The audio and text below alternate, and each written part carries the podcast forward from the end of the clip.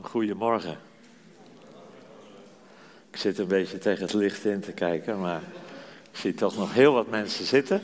Ik dacht, hoeveel zouden er nog zijn midden in de vakantie? Maar uh, gelukkig ben ik niet alleen vanmorgen. Gods woord bij de stilte. Ik heb niet met de PowerPoint overlegd, maar jullie zorgen dat die doorgaat? Ja? Als je goed luistert, dan weet je precies waar ik ben. Um, Gods woord bij de stilte. Ik wil vanmorgen lezen een aantal teksten uit het laatste boek van het Oude Testament. En dat is de afsluiting van een bibliotheek, zeg maar. Je hebt de boeken van Mozes en dan heb je de wijsheidsboeken met de psalmen als de grootste. Dan heb je de profeten en dan maakt dat samen de Hebreeuwse Tenach. En het laatste van die Tenach is Malachi. En na Malachi, dan is het wat dat betreft stil. 450 jaar.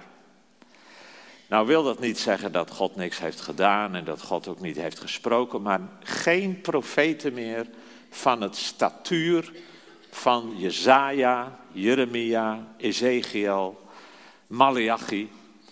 En dan wil ik zeg maar vanuit Malachi wat dingen naar voren halen met, met dat in gedachten. Wat is nou het woord van God voordat die stiltetijd aanbreekt?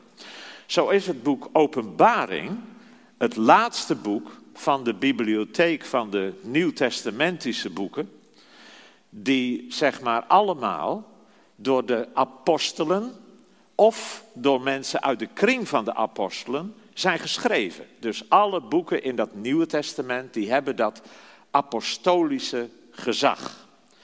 En daarvan is het boek Openbaring het laatste.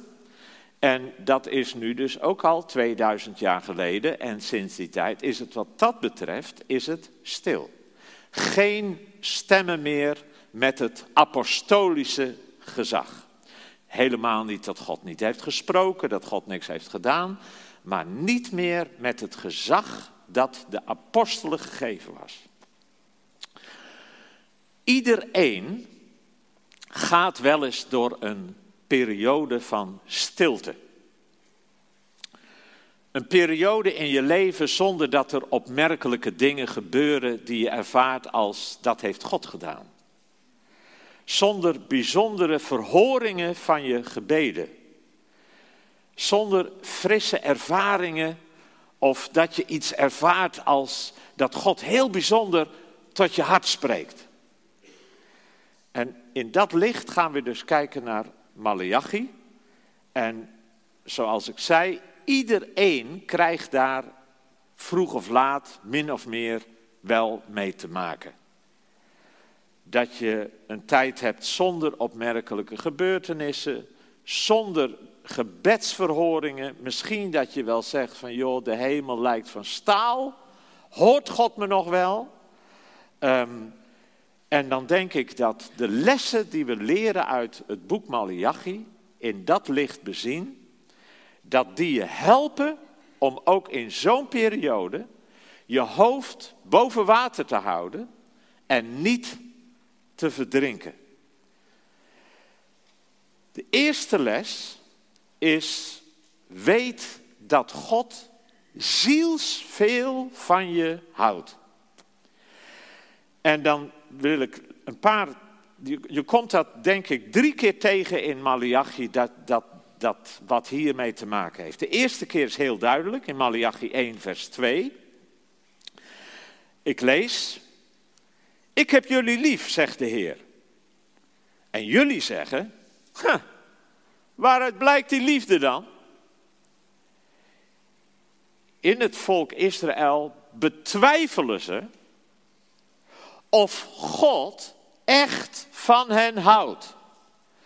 Als er iets erg is, dan is het wel als een ander zielsveel, zielsveel van jou houdt, dat jij dan omkeert en zegt van ja, hou je wel echt van me. Dat is een klap in je gezicht. dat is een, een dolk in je hart. En dat is wat in Israël gebeurt tegenover God. Zij betwijfelen of God wel echt van hun houdt. Dan zie je later in hoofdstuk 2, zie je een, iets naar voren komen dat, dat heel diep gaat en heel actueel ook is. Daar staat in hoofdstuk 2, vers 17, met jullie gepraat vallen jullie de Heer lastig. En dan vragen jullie, hoezo vallen we hem lastig? Nou, door te zeggen, iedereen die kwaad doet, ach, die doet goed in de ogen van de Heer. Zulke mensen bevallen hem. Want waar is de God die recht spreekt? En dan, dan is de betekenis daarvan dat mensen zeggen, joh, het maakt God allemaal niet uit. Want al die slechte dingen die gebeuren, God doet er helemaal niks aan. Waar is de God die recht spreekt? En dan staat er in hoofdstuk 3, vers 2, maar wie zal die dag kunnen doorstaan? Wie zal overeind blijven wanneer hij verschijnt? Als hij als het vuur van een smid, als het loog van een volwasser zal verschijnen. Met andere woorden, Malachi zegt, het woord van God, jullie zeggen, ja joh, God, waar is God? Hij doet er helemaal niks aan, al het onrecht in de wereld. En dan is het antwoord, het is maar goed dat God daar nog niks aan doet. Want wie zal, wie zal staande blijven als God het onrecht aanpakt? Met andere woorden, het is maar goed dat God er niks aan doet, want dan is het ook met jou gedaan en met mij gedaan. Want als we de Bijbel lezen, dan maakt God het heel duidelijk dat wij wat dat betreft allemaal tekortschieten. De Bijbel zegt, iedereen is een zondaar. En dat is niet omdat we die dingen doen die niet goed zijn, maar Jezus zegt ook, dat zit in ons hart. Dat komt van binnen naar buiten. En we hebben allemaal als mensen hetzelfde hart. En wat dat betreft komen we allemaal schromelijk tekort.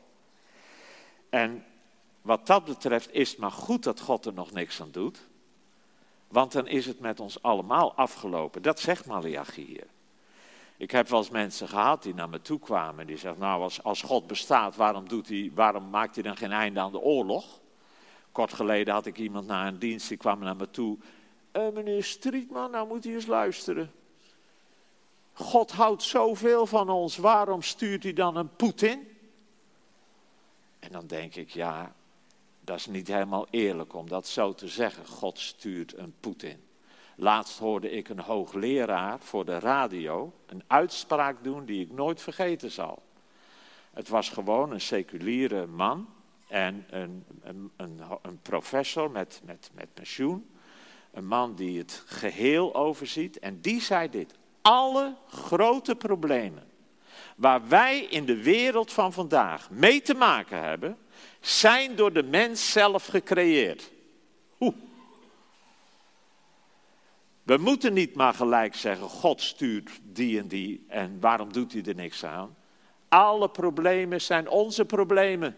Wij hebben dat zelf gecreëerd. Ik weet nog dat Annie en ik ooit Auschwitz bezochten. En ik weet nog heel goed toen we daar wegliepen, toen was die gedachte zo sterk in mijn hart. Wat is het verschrikkelijk als mensen zeggen, hoe kan ik nog in God geloven na Auschwitz? Auschwitz, dat hebben wij zelf gedaan. Mensen zijn rond de tafel gaan zitten met pen en papier en hebben het allemaal uitgedacht en uitgetekend. Alle grote problemen waar de wereld vandaag mee te maken had, heeft, die hebben wij zelf veroorzaakt. En dan zegt Malachi, het is maar goed dat God er geen einde aan maakt, want er is het met ons allemaal gedaan. En God wil niet dat het met ons gedaan is. En daarin blijkt de liefde van God. En dan zie je het helemaal aan het einde. Het laatste vers van het boek Malachi. Er wordt eerst gezegd, uh, voordat de dag van de Heer aanbreekt, die groot is en ontzagwekkend, stuur ik jullie de profeet Elia. En hij zal ervoor zorgen dat ouders zich verzoenen met hun kinderen en kinderen zich verzoenen met hun ouders. Anders zou ik het land volledig moeten vernietigen. Deze woorden zijn heel bijzonder.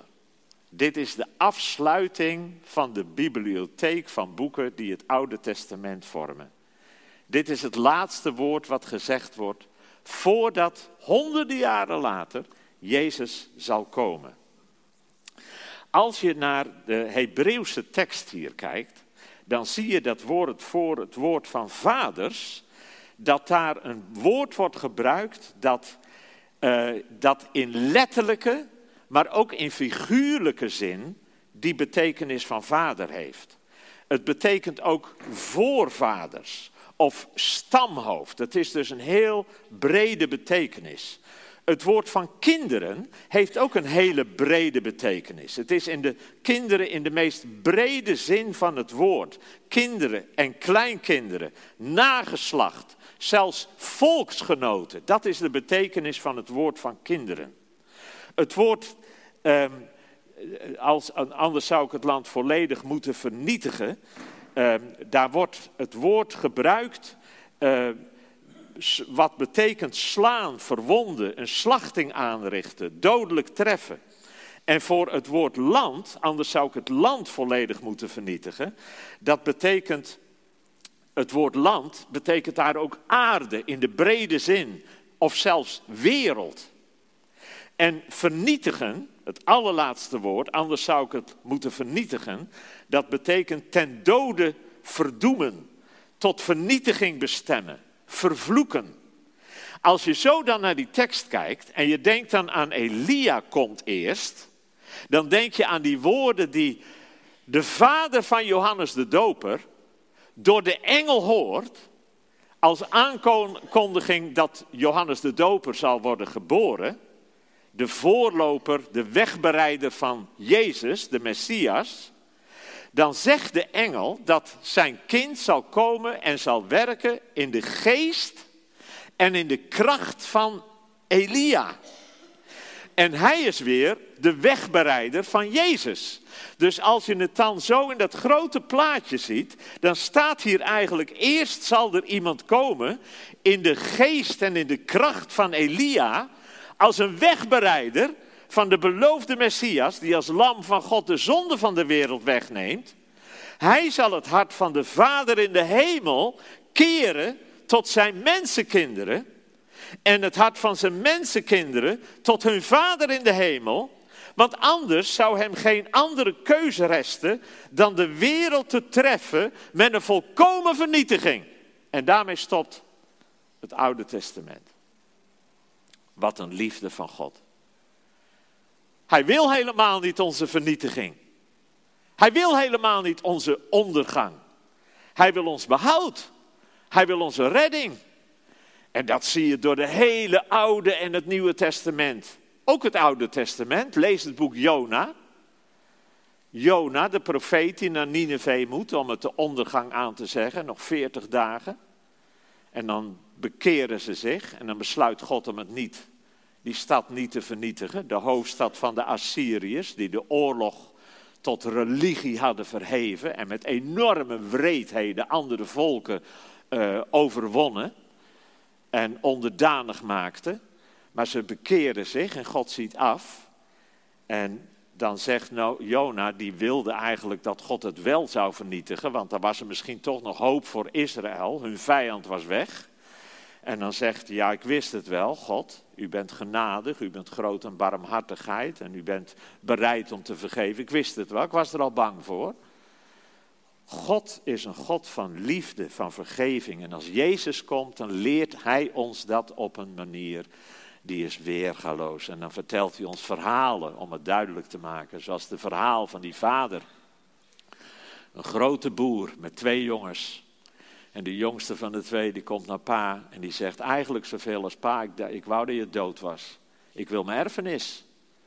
En dan doet die vader iets ongelooflijks. Die maakt uit zijn boerenbedrijf het geld vrij, wat als erfenis naar de jongste, aan de jongste toe gaat komen straks als pa dood zal zijn. En dan geeft hij het al voor zijn dood aan de jongste zoon.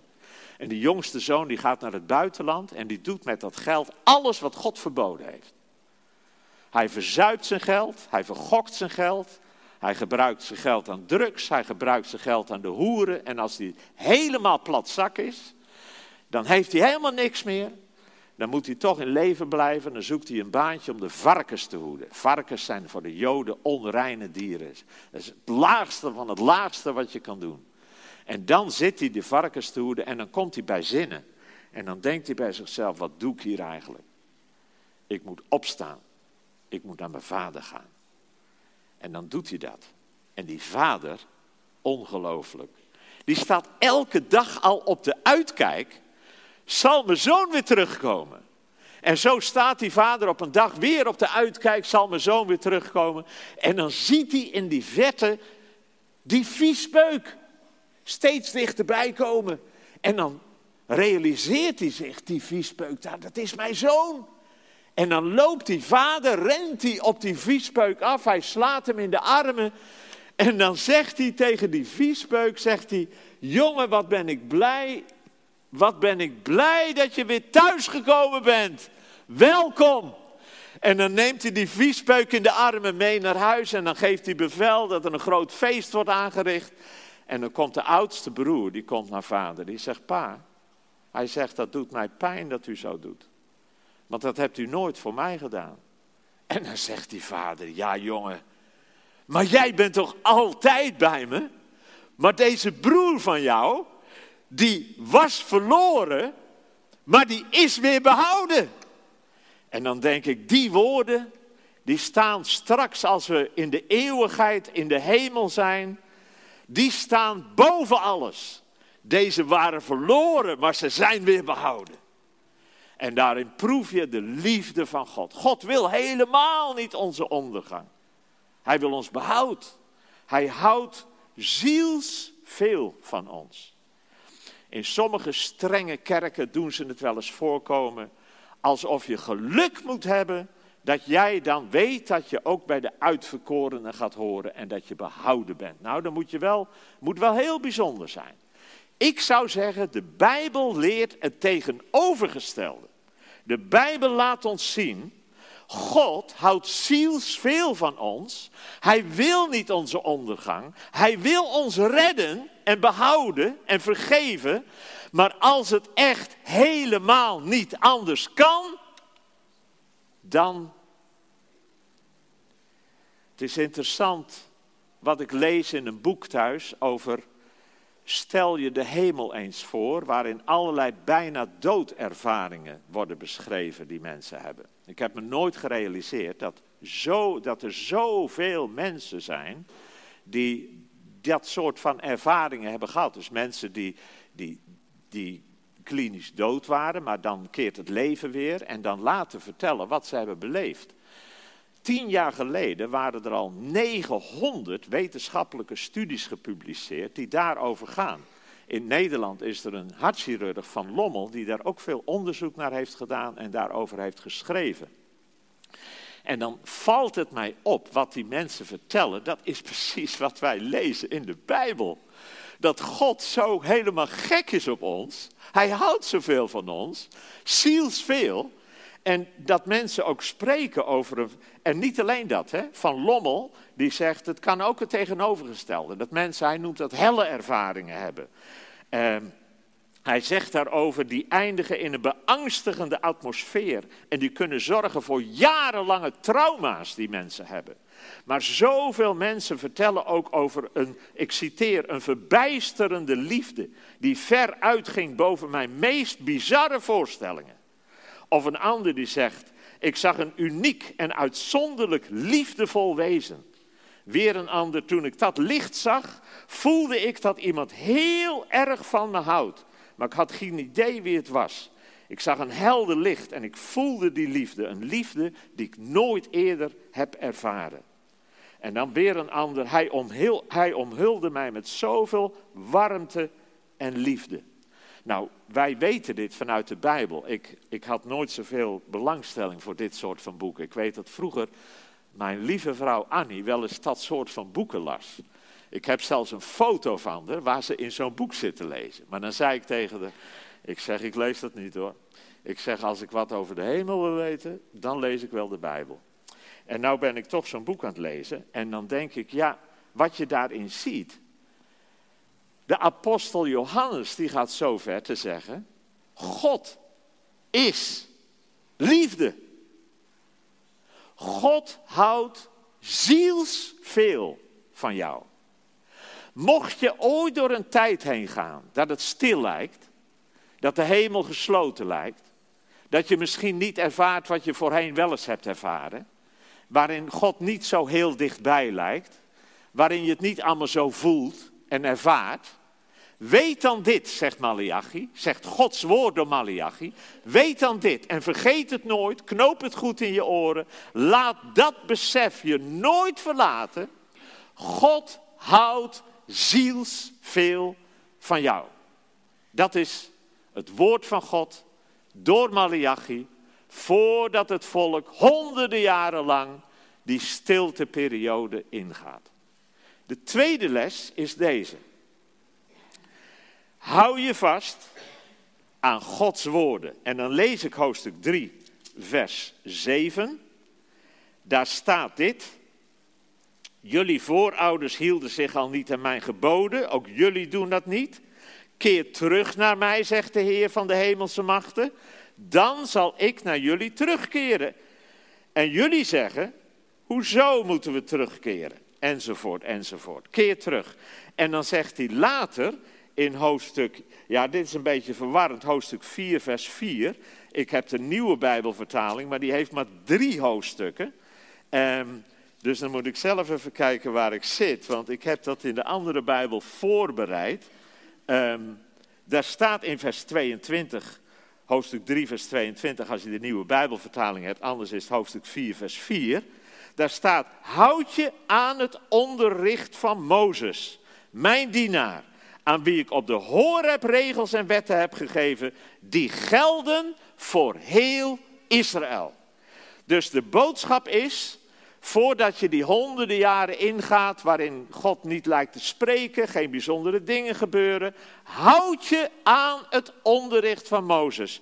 Houd je vast aan Gods woorden. Dat is wat hier staat. De mensen in Israël die barsten van de vragen en ze komen allemaal aan de orde in Malachi. Houdt God wel echt van ons? Waarom zouden we God het beste moeten geven? Maar alle mensen zijn toch kinderen van God? Waarom maakt God geen einde aan de oorlog? Waarom zouden we ons moeten bekeren? Wat levert het dienen van God ons eigenlijk op?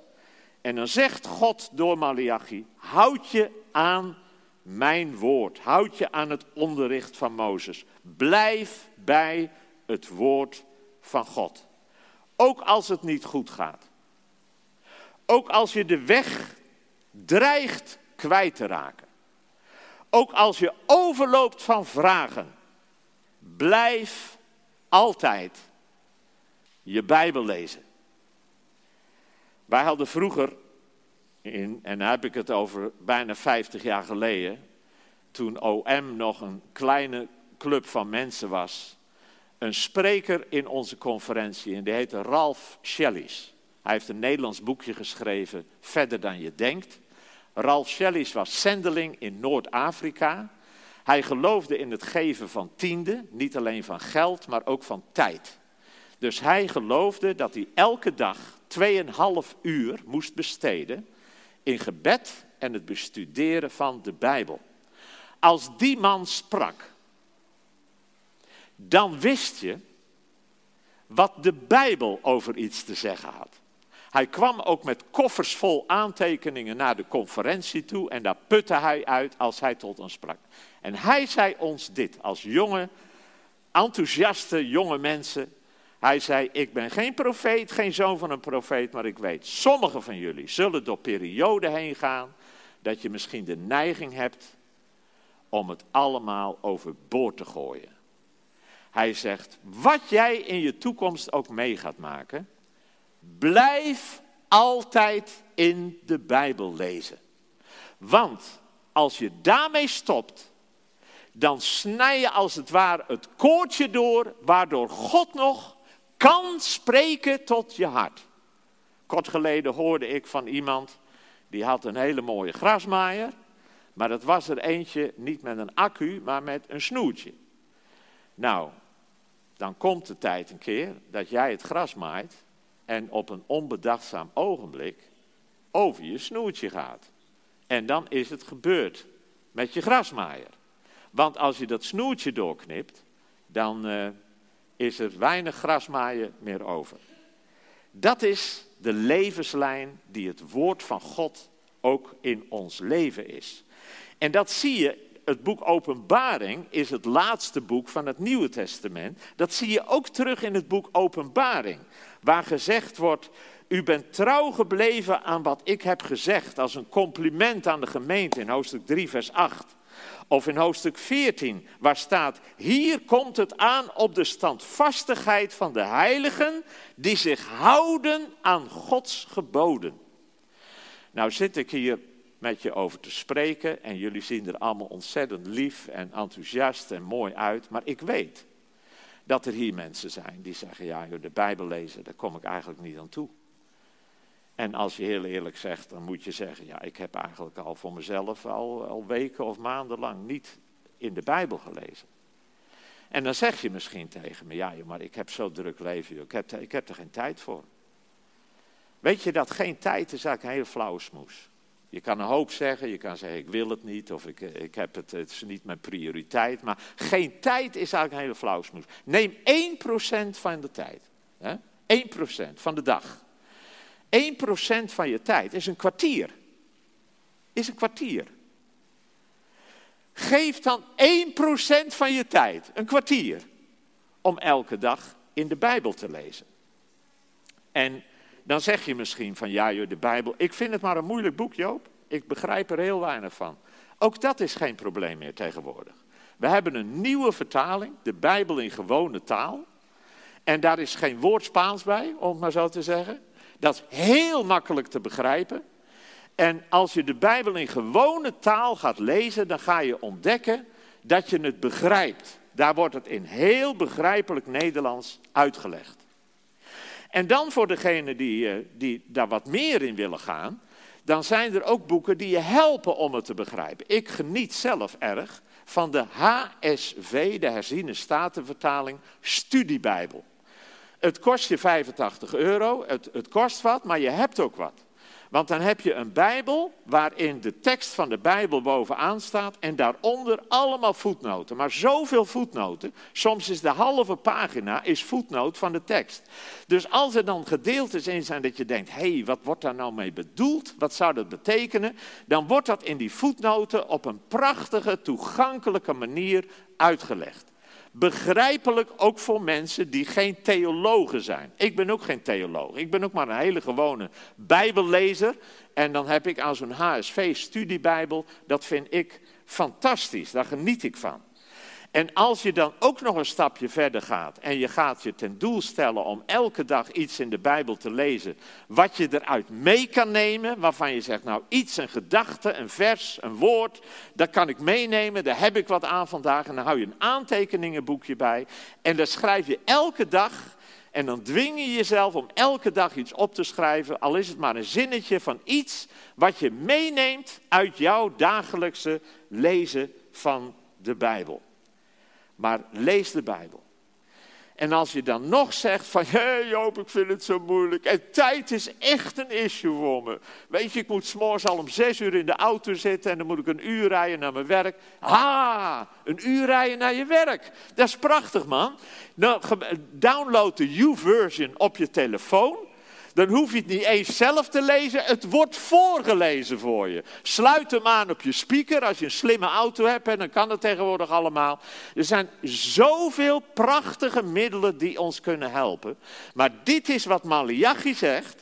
Voordat je een stille periode ingaat, dat God misschien ver weg lijkt, dat de hemel misschien gesloten lijkt, dat je niet beleeft en ervaart wat je vroeger wel eens hebt beleefd en ervaart, hou je vast aan het woord van God. Blijf de Bijbel lezen en overdenken voor jezelf. Dat is wat Malachi meegeeft. Dan de derde les. De derde les is, wees je bewust van je taak. Ik lees hoofdstuk 3, vers 10, 11 en 12. Daar staat dit. Stel mij maar eens op de proef, zegt de Heer van de hemelse machten. Breng alle tienden naar mijn voorraadkamer, zodat er voedsel in mijn tempel is En zie dan of ik niet de sluizen van de hemel voor jullie open en zegen in overvloed op jullie land laat neerdalen. Dit is de oud-testamentische voorspoedtheologie. In het Nieuwe Testament zegt Jezus hele andere dingen. Daar zegt hij bijvoorbeeld: Kom achter mij, volg mij, neem je kruis op, elke dag. En als ze jou vervolgen, man, gezegend ben je. Maar dit is oud-testamentische voorspoedtheologie. En dan staat er in vers 11: Ik zal de springhaan onschadelijk maken, zodat hij de opbrengst van de aarde niet meer kan verwoesten. De druiventros zal niet meer verdorren in de wijngaarden, zegt de Heer van de hemelse machten. En dan komt het: Alle volken zullen jullie gelukkig prijzen, want jullie zullen wonen in een heerlijk land, zegt de Heer van de hemelse machten. We hoorden net aan het begin van de dienst dat er gezegd wordt: dit is niet alleen een banier voor Israël, dit is een banier voor alle volkeren. God houdt van alle mensen. En dan staat hier dus: Israël, doe nou wat ik heb gezegd. Want als jullie doen wat ik heb gezegd, leven zoals ik wil, dan zal ik jullie zegenen en dan zullen andere mensen zien, ja, dat jullie gezegend zijn. En dan zullen ze komen van hoe komt dat dat jullie zo gezegend worden? En wie is dan die God die jullie dienen? Zouden wij die God ook kunnen die, kennen en dienen? Dat is de, de strekking van wat hier staat. Wees je bewust van je taak. Op het moment dat je zelf de weg kwijt gaat raken en niet meer leeft zoals God het wil, dan doe je niet alleen jezelf zeer tekort, je doet ook anderen tekort in wiens leven God jou had willen gebruiken als een schakel. Om die ander aan te raken. Om iets voor die ander te betekenen. Misschien je vader, misschien je moeder, misschien je zoon of je dochter of je buurman of je collega of mensen verder weg. Als jij zelf niet leeft zoals God het eigenlijk bedoeld heeft en met je voor heeft, dan doe je niet alleen jezelf tekort, dan doe je ook anderen tekort. Jij en ik, wij leven niet voor onszelf. Wij leven voor anderen. God wil ons gebruiken voor anderen, tot zegen. En daarom wees je bewust van je taak. Dat is Gods woord, voordat je ook de stilte ingaat. De tijd dat God zo ver weg lijkt. De tijd dat je misschien niet allemaal zo beleeft zoals je het ooit hebt beleefd. Dan in de vierde plaats, les nummer vier. Leef met het einde in gedachten. Het boek schetst Israël 450 jaar voor Christus. En het boek sluit af met zes verwijzingen naar de dag. De dag des Heren. Bijvoorbeeld hoofdstuk 3, vers 23. Dat is dus ook vers hoofdstuk 4, vers nog wat voor andere indeling. Voordat de dag van de Heer aanbreekt, die groot is en ontzagwekkend, stuur ik jullie de profeet Elia. Er staan zes van die verwijzingen. De eerste vind je in hoofdstuk 3, vers 2. Wie zal die dag kunnen doorstaan? En dan hoofdstuk 3, vers 17 waar staat, op de dag die ik voorbereid, zegt de Heer van de hemelse machten. En dan de derde keer in hoofdstuk 3, vers 19, die dag zal er zeker komen, brandend als een oven.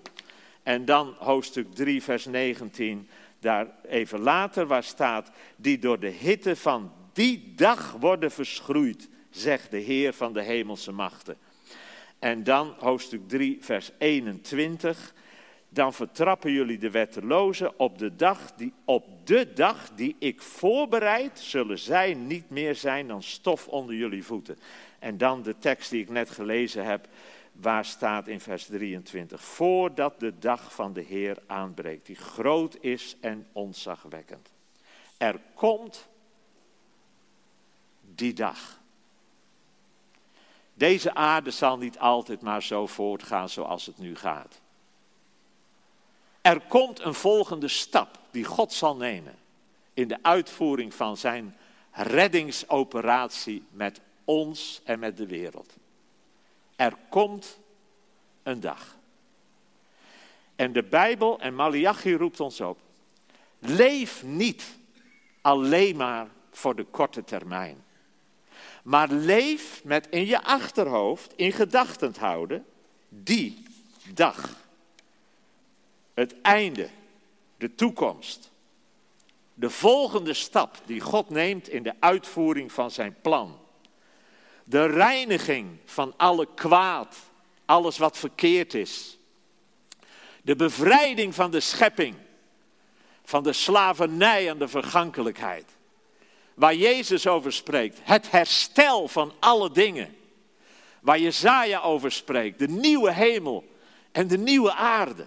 Het zal niet altijd blijven zoals het nu is. Er komt die dag. De dag van reiniging, de dag van grote schoonmaak. En dan zie je dat ook openbaring natuurlijk ons daarmee achterlaat voordat we 2000 jaar van stilte doormaken. Ook openbaring maakt ons duidelijk dat er een volgende stap komt. De oordelen, de zegels die verbroken worden, de bezuinen die zullen klinken, de weeën die gaan komen.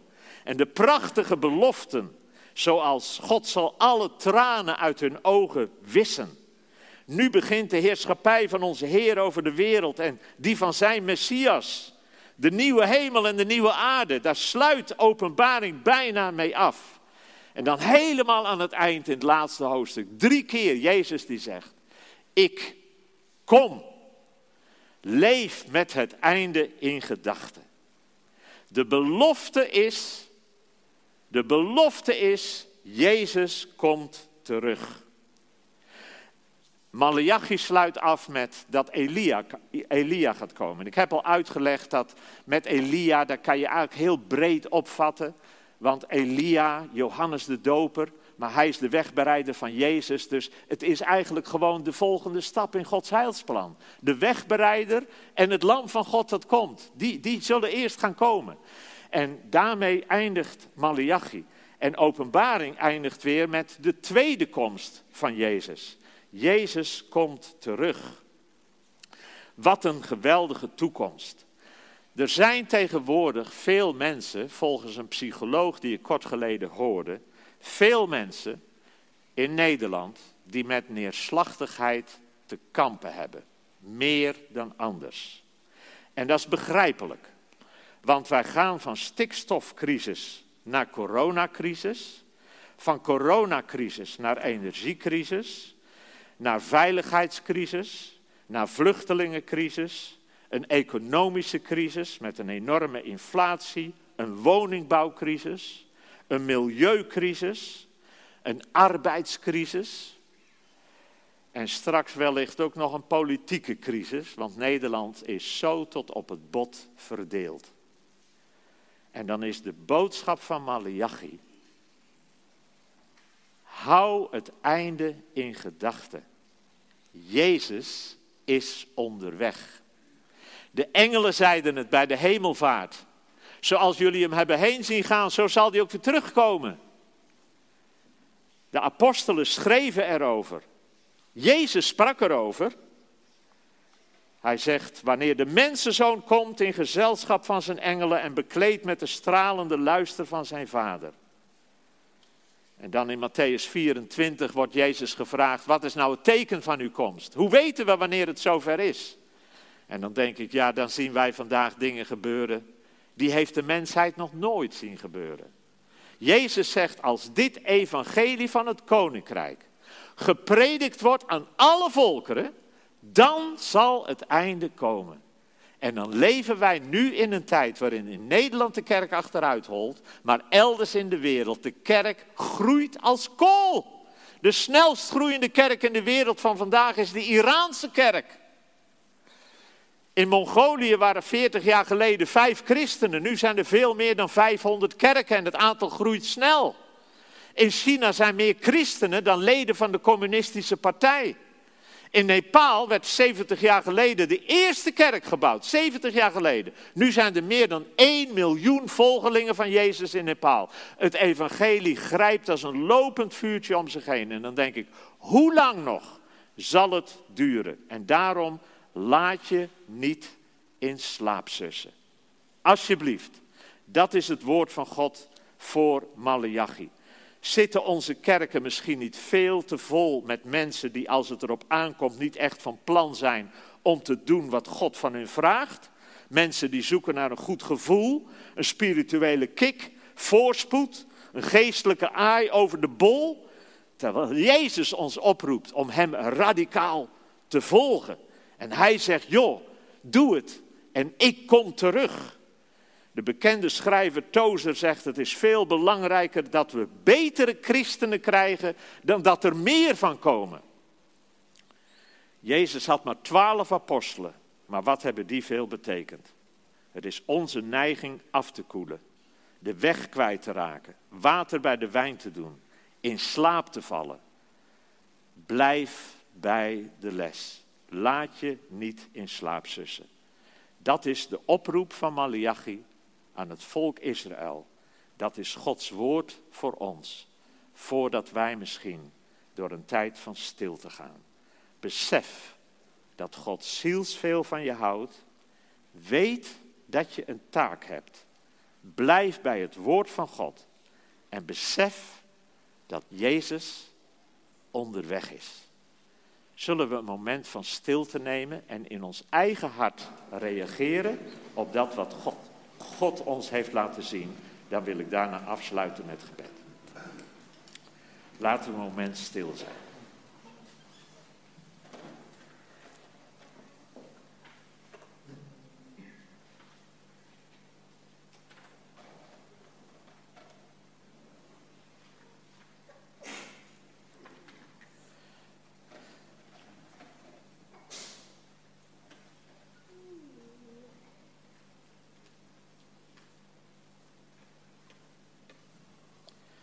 Vader, mag het besef dat u gek op ons bent ons nooit verlaten. Wij bidden ook dat u ons helpt om bij uw woord te blijven. Wat het ons ook kost. Om daarin te investeren. Heer, wij willen niet babytjes blijven die van kerkdienst naar kerkdienst gegaan om met een lepeltje gevoerd te worden. Wij willen leren te wandelen met u. En doet u ons beseffen dat u, ons, dat u, dat u een taak hebt met, met mij, met ons, ieder van ons. En dat we niet alleen maar voor onszelf leven. Bevrijd ons van ons egoïsme en onze ikgerichtheid. En Heer, doet u ons beseffen dat u onderweg bent. Dat de dag gaat komen dat alles anders wordt. Wij zitten midden in allerlei crisissen. Dat sommigen er depressief van worden. En er zijn er hier vanmorgen die komen uit een land dat in een verschrikkelijke oorlog is. Maar Heer, toch gaan we zo dadelijk zingen. Ooit komt er een dag dat de hemel openbreekt, dat u terugkomt. Houd ons wakker, houd ons radicaal in Jezus' naam. Amen.